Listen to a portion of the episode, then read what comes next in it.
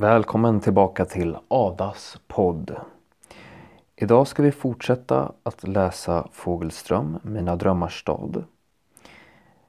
Förra gången fick vi läsa kapitlet Sommar i din hand som handlade om när vår huvudroll träffade Annika. Idag ska vi läsa kapitel Tunga, långa vardagar. Tunga, långa vardagar. Han hade själv valt sin börda. Tegelbäraren tjänade mer än hjälppojken och när det blev en ledig lucka i bärarlaget hade Henning antagit erbjudandet att rycka in.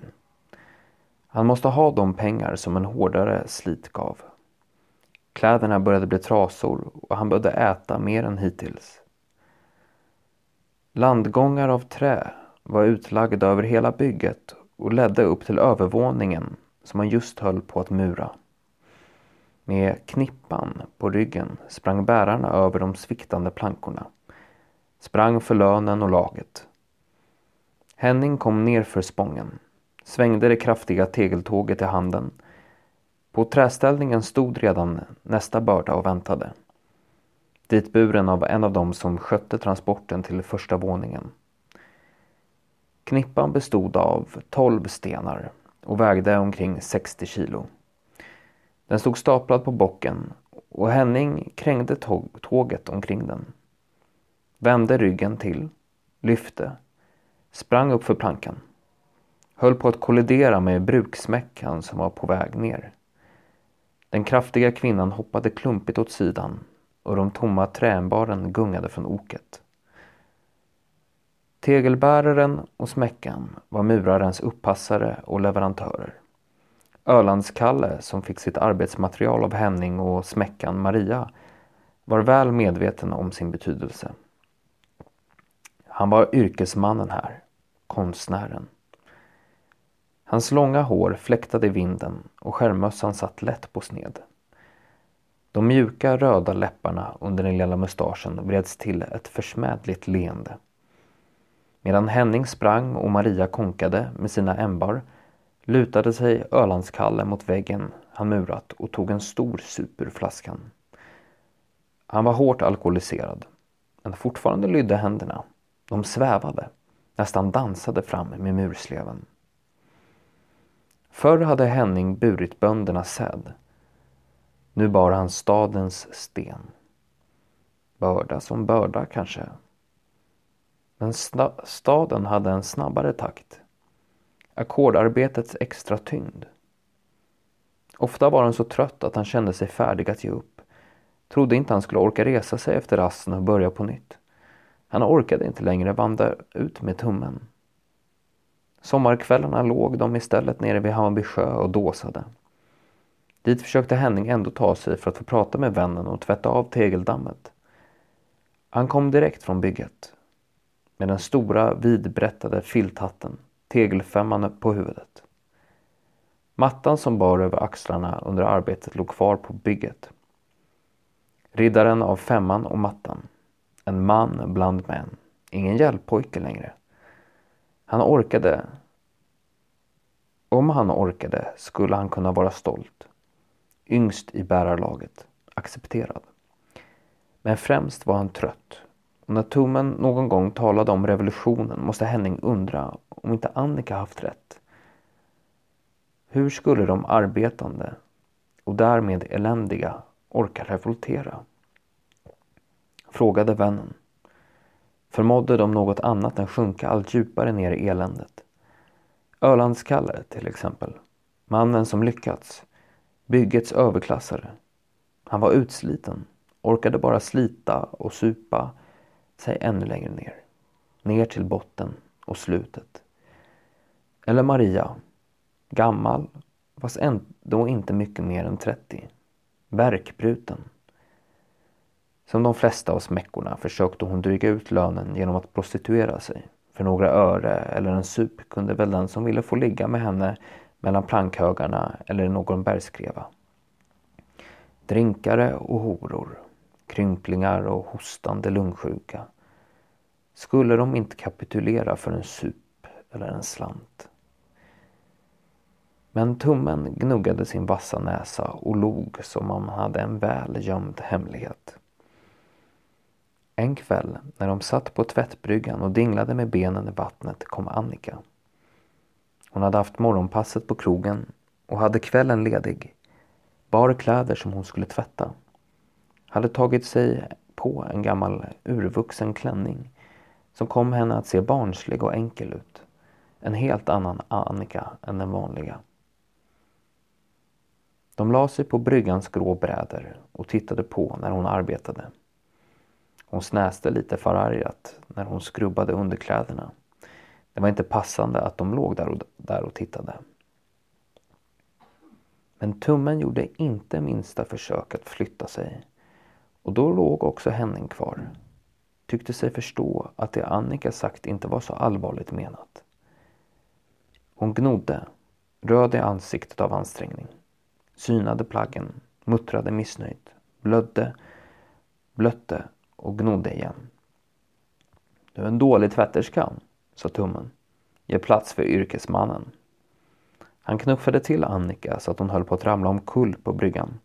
Grep tag i plagget, tog en ordentlig klick såpa och började arbeta med yviga rörelser. Nu skulle han riktigt visa hur en yrkestvättare bar sig åt. Annika protesterade svagt.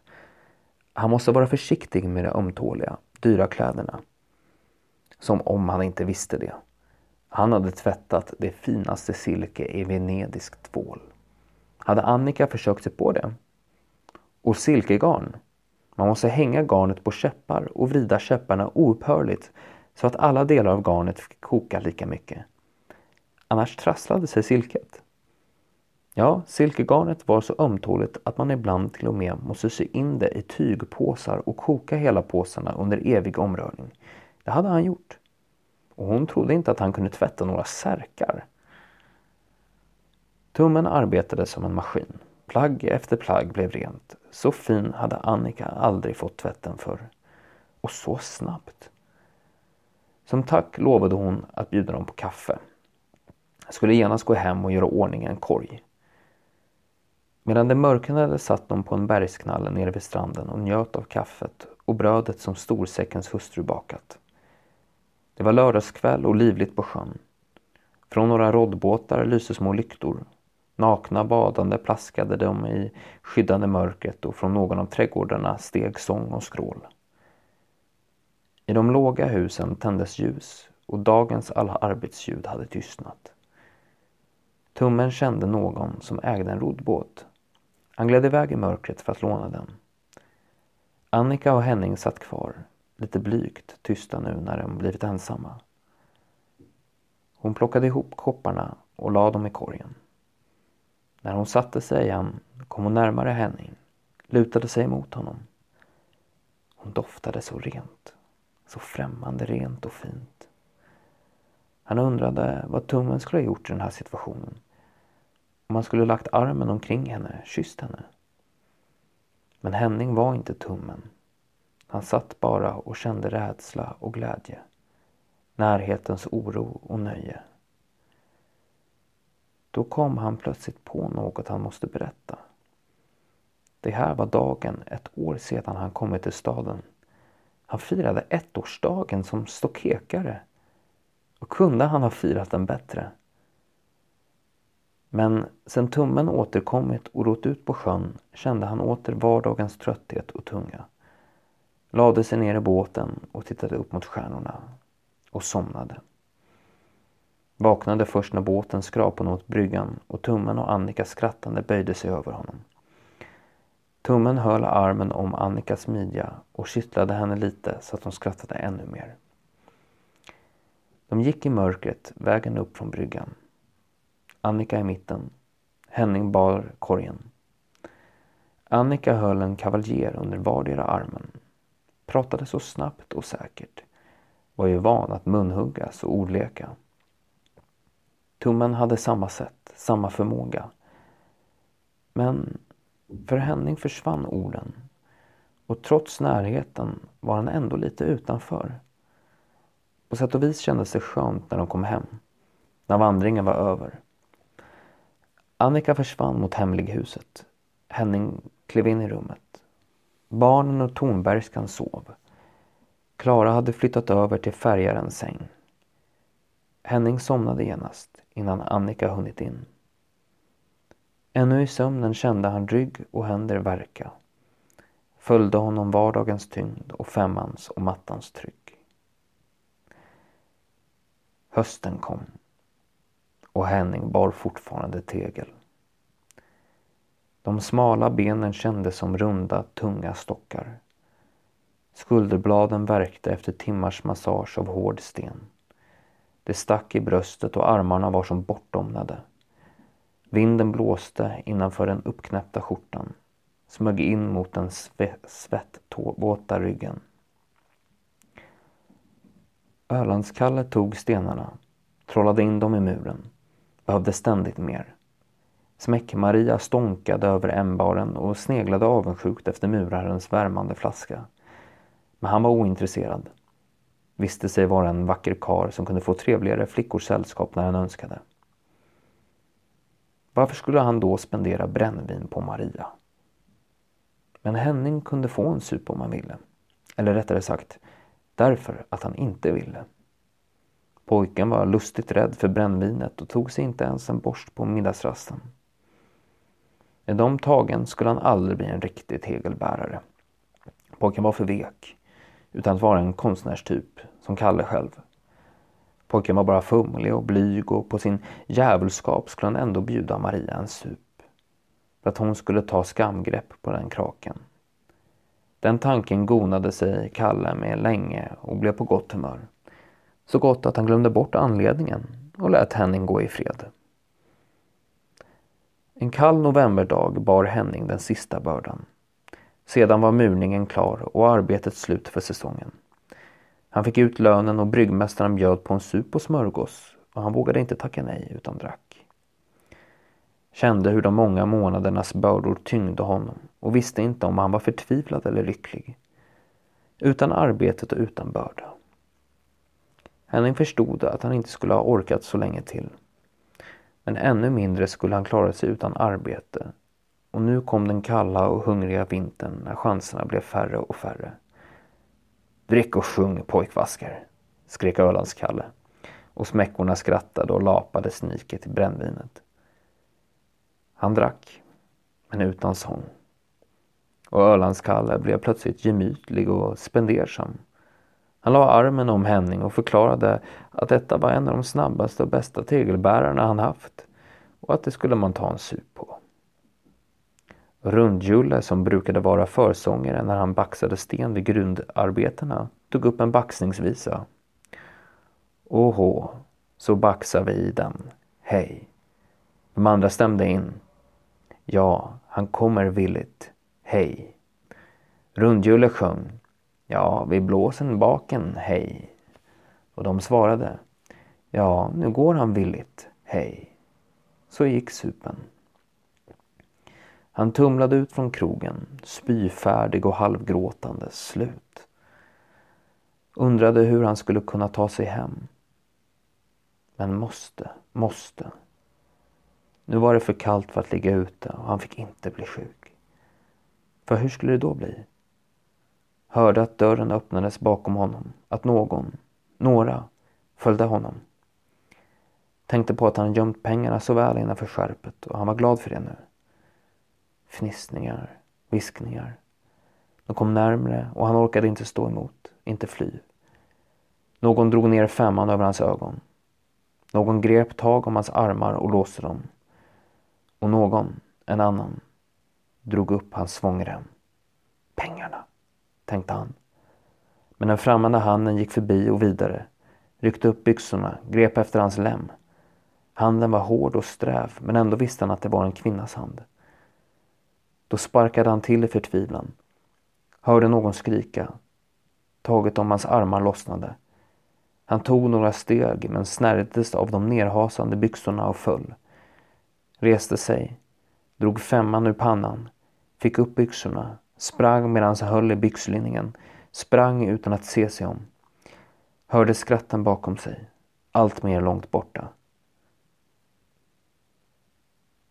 När han kommit på betryggande avstånd satte han sig ner på en trappa och flåsade ut. Rättade till kläderna. Kände efter pengarna som låg kvar. Kamrater, tänkte han. Ölandskalla och Maria. Förtryckta och förtrycktare. Och genom dem skulle revolutionen komma. Morgondagen erövras. Hade inte Annika rätt? Var inte flykten från dem en enda möjlighet? Åter kände han ensamheten. Han hade blivit utstött, förnedrad. De som stått honom närmast i arbetet hade skändat honom. Trött reste han sig, lutade sig mot husväggen och spydde upp. Och började den tunga vandringen hem till rummet med de många människorna. Till dagar utan fast arbete och lön. När han kom hem var ljuset tänt och oron stor. Mamsell Tornberg som länge klagat över bröstonda höll på att dö och ingen visste vad man skulle göra. Inte kunde man få en läkare så här dags och så här långt bort. Eller kunde man? Men den spinkiga lilla mamsellen avgjorde snabbt diskussionen genom att flämta till några gånger och sedan ligga tyst och död. Ingen besvär för min skull. Det hade alltid varit hennes paroll. Storsäcken bar ut henne i boden och hoppades på att råttorna skulle hålla sig borta. Klara nekade att ligga i sängen där mamsellen nyss dött och färjan var inte på humör att bjuda henne plats hos sig. Då kröp hon ner på golvet mellan Henning och Augusta och låg och hickade av gråt och skräck. Henning som nyss gråtit själv fick nu göra vad han kunde för att trösta. Han bekämpade tröttheten och försökte viska lugnande, vänliga ord. Till sist somnade han. Om före eller efter Klara visste han inte. Nästa morgon fanns ingen mamsell Tornberg som kunde väcka dem. Men storsäckens fru var uppe tidigare än vanligt och slamrade mer än hon brukade. När Henning vaknade hade han Klaras kind helt nära sin och hennes nakna arm låg över hans rygg. Färjan satt kapprak i sängen och tittade ogillande på dem. Henning flyttade varsamt armen, skakade liv i Klara. Hon satte sig upp och tittade sig undrande omkring. Så kom hon ihåg varför hon legat på golvet och grät ännu en tår över sin gamla säng och trätokamrat som låg kall och tyst i boden. Smäckan Marias grova hand, Klaras mjuka kind och mamsell Tornberg. Allt kom så nära och det nära både skrämde och värmde. Han visste inte om han ville fly eller komma närmre livet och människorna. En dag i slutet av veckan begravdes mamsell Tornberg på fattigkyrkogården utanför Skanstull. En åkare skötte transporten. Mamsellen hade inte några släktingar i livet och för att hon inte skulle göra den sista resan alldeles ensam bad storsäckens hustru Henning, som inte fått arbete, och Annika, som hade kvällspass, att följa med till graven. De gick efter vagnen med kistan som skakade över gropar och stenar längs vägar och gator. Fram till Skanstull och till kyrkogården i avrättningsplatsens närhet. Redan efter några dagar fick Klara en ny sängkamrat. Hade valt henne själv. Det var en ung spinnerska som hette Matilda och som såg på världen med stora barnsliga runda ögon. Klara tog med sig sin först Klara tog med sig sin förstfödslorätt, mamsell Tornbergs gamla plats intill väggen och färgaren fick morgon och aftonglädjen fördubblad. Egentligen var det bara en katt som saknade mamsell Tornberg. Den hittade inte längre det vanliga lilla fatet med skummjölk som brukade stå alldeles innanför bodörren. Du har lyssnat på Tunga, långa vardagar. Ett kapitel från Fågelströms Mina drömmars stad. Nästa avsnitt bör komma ut någon gång imorgon eller i övermorgon. Vi hoppas fortsatt att våra lyssnare, lyssnare är nöjda och glada med Adas podcast. Jag vill önska dig en god dag eller kväll eller natt beroende på var du befinner dig och att livet ska ge dig glädje. Jag tackar för mig nu när klockan går till exakt 20 minuter. God afton.